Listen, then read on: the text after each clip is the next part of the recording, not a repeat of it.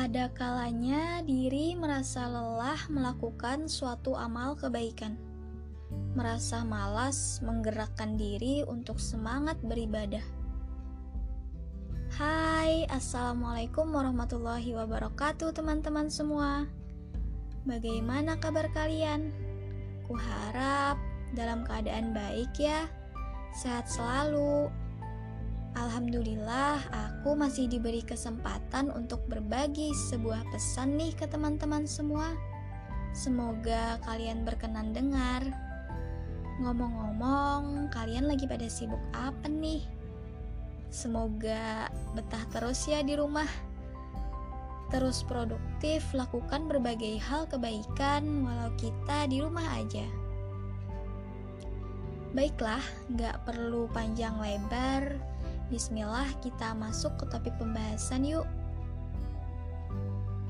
Tak terasa udah hampir lima bulan kita melakukan aktivitas di rumah aja. Di antara kita pasti ada dong yang merasa senang dengan keadaan ini. Karena melalui perantara pandemi ini Dan dengan kita yang diharuskan di rumah aja Kita lebih bisa mendekatkan diri kepada Allah yang dulunya mungkin waktu untuk Allah sedikit karena tersita untuk bekerja ataupun menuntut ilmu di luar rumah, sekarang tentunya menjadi lebih memiliki banyak waktu untuk Allah, menjadi memiliki banyak waktu untuk berbuat kebaikan. Pastinya senanglah ya. Namun, berbarengan dengan rasa senang bisa lebih dekat dengan Allah dan tumbuhnya rasa semangat untuk beribadah kepada Allah, tentunya kita bakal menemui masa yang biasa disebut dengan futur. Apa sih futur?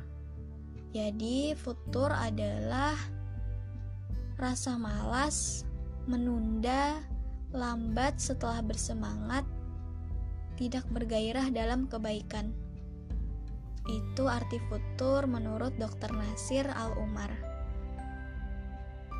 Pernah gak sih kalian mengalami masa seperti itu?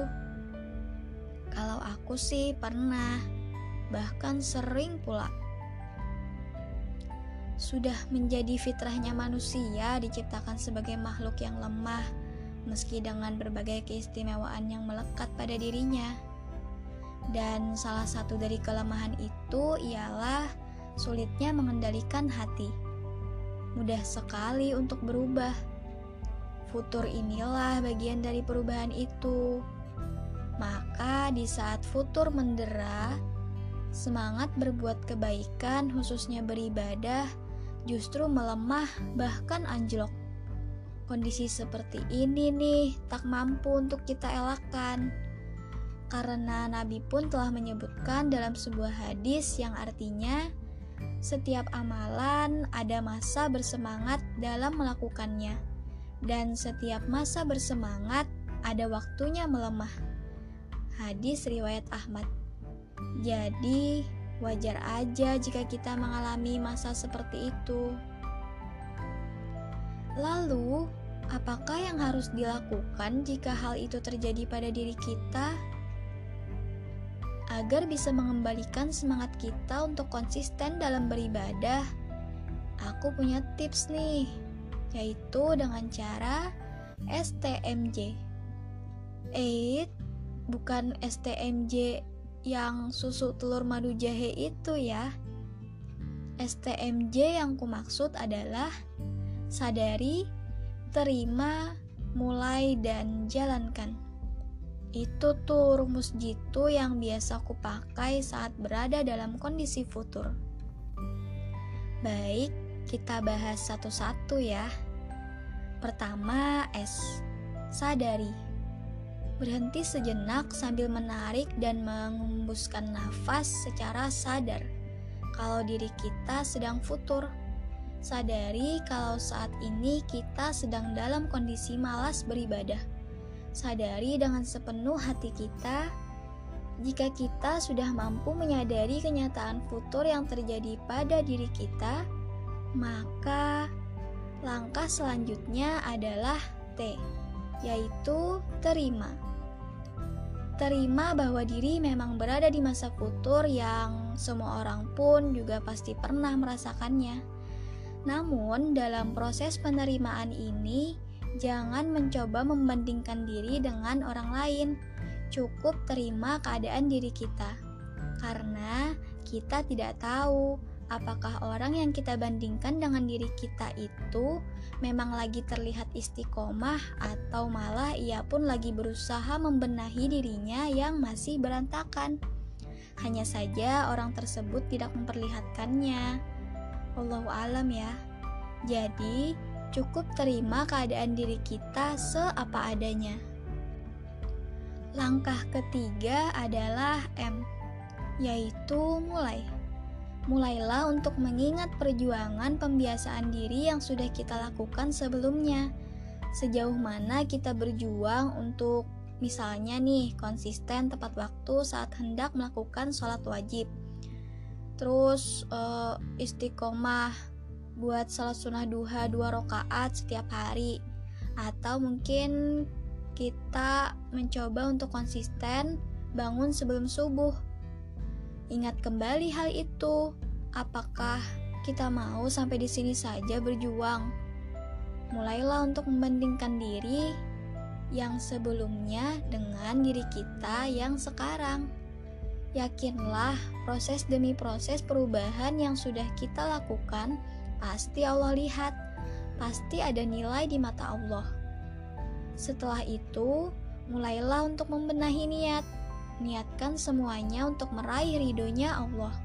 Setelah niat telah terbenahi, barulah kita masuk ke langkah terakhir yaitu J. Jalankan.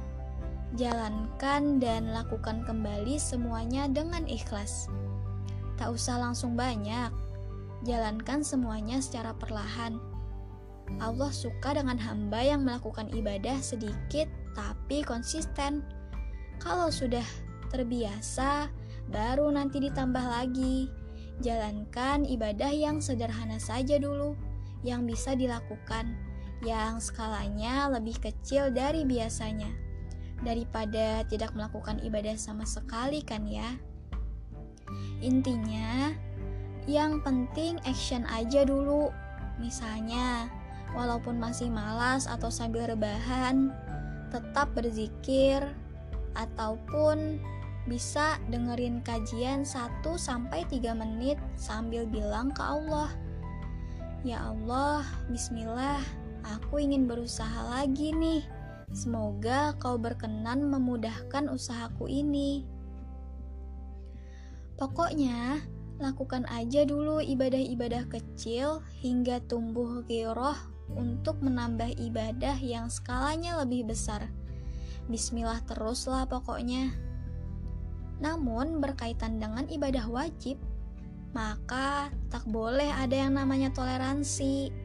Sefutur apa pun kita, tetap lakukan, tetap laksanakan, tetap jalankan ibadah wajib kita kepada Allah. Walaupun pasti masih ada rasa malas dan belum bisa tepat waktu melakukannya. Jadi, jika teman-teman sudah melakukan suatu perubahan walaupun kecil, pesanku adalah biasakan untuk apresiasi diri. Karena apresiasi ini adalah salah satu cara kita untuk menumbuhkan semangat dan konsisten dalam beribadah. Nah, mungkin itu dulu tips yang bisa aku bagikan pada kesempatan ini seperti tips pada umumnya sih. Namun, alhamdulillahnya ngaruh di aku. Makanya aku coba share juga ke kalian. Siapa tahu ngaruh kan ya. Segitu dulu ya. Terima kasih sudah berkenan dengar. Semoga ada kebaikan yang bisa diambil. Jazakumullahu khairan kathir. Mohon maaf atas segala kesalahan dan kekurangannya. Wassalamualaikum warahmatullahi wabarakatuh.